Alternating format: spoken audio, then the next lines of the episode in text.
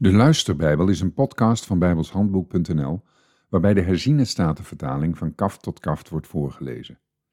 Dit is nummer 13. De Heere sprak tot Mozes, stuur mannen voor u uit om het land Canaan te verkennen, dat ik aan de Israëlieten geven zal. U moet één man per stam van zijn vaderen sturen, elk een leider onder hen. Mozes stuurde hen uit de woestijn Paran op bevel van de Heere. Al die mannen waren hoofden van de Israëlieten. Dit nu zijn hun namen. Uit de stam Ruben, Samua, de zoon van Sakker. Uit de stam Simeon, Safat, de zoon van Hori. Uit de stam Juda, Caleb, de zoon van Jefune. Uit de stam Issachar, Jegeal, de zoon van Jozef. Uit de stam Ephraim, Hosea, de zoon van Nun. Uit de stam Benjamin, Palti, de zoon van Rafu. Uit de stam Zebulon, Gadiel, de zoon van Sodi. Uit de stam Jozef voor de stam Manasse, Gadi, de zoon van Susi. Uit de stam Dan, Amiel, de zoon van Gemali. Uit de stam Aser, Seter, de zoon van Michael. Uit de stam Naphtali, Nachbi, de zoon van Wofsi. Uit de stam Gad, Guel, de zoon van Magi. Dit zijn de namen van de mannen die Mozes stuurde om het land te verkennen. En Mozes noemde Hosea, de zoon van Nun, Jozua. Mozes stuurde hen om het land Canaan te verkennen. En hij zei tegen hen: Ga hier het zuiderland in en ga dan het bergland in en bekijk het land, hoe het is. En het volk dat er woont, hoe sterk het is of hoe zwak. Of het gering in aantal is of talrijk. En kijk hoe het land is waarin het volk woont, of het goed is of slecht. En hoe de steden zijn waarin het woont, of het in tentenkampen woont of in vestingen. Kijk ook hoe de grond is, of die vruchtbaar is of schraal en of er bomen zijn of niet. Vat moed en neem wat van de vruchten van het land mee.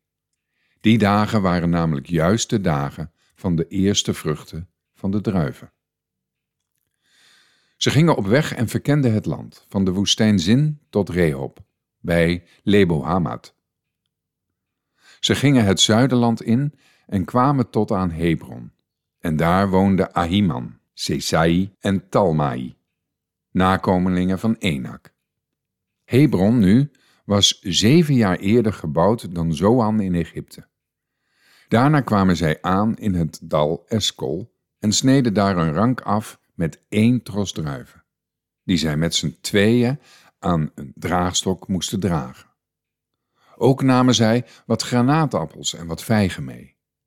Die plaats noemde men het dal Eskol vanwege de tros die de Israëlieten daar afgesneden hadden. Daarna keerden zij terug van het verkennen van het land, na verloop van veertig dagen.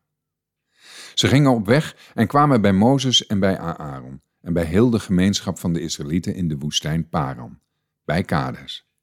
En zij brachten aan hen en heel de gemeenschap verslag uit en toonden hun de vruchten van het land. Ze vertelden het Mozes en zeiden: Wij zijn in het land gekomen waarheen u ons gestuurd hebt, en werkelijk, het vloeit over van melk en honing. En dit is zijn vrucht. Het volk echter, dat in dat land woont, is sterk. De steden zijn versterkt en heel groot. En ook hebben wij daar nakomelingen van Enak gezien. In het zuiderland woont Amalek. In het bergland woonden de Hethieten, de Jebusieten en de Amorieten. Aan de zee en aan de oever van de Jordaan woonden de Kanaanieten. Toen bracht Caleb het volk tegenover Mozes tot bedaren en zei: Laten wij vrijmoedig optrekken, wij zullen het land in bezit nemen, want wij zullen het zeker overmeesteren.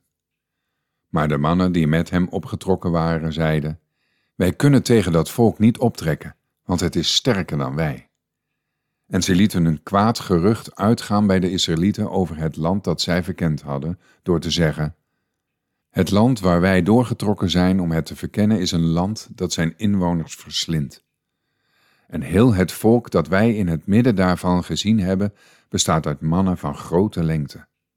We hebben ook reuzen gezien, nakomelingen van Enak, afkomstig van de reuzen. Wij waren in onze eigen ogen als sprinkhanen.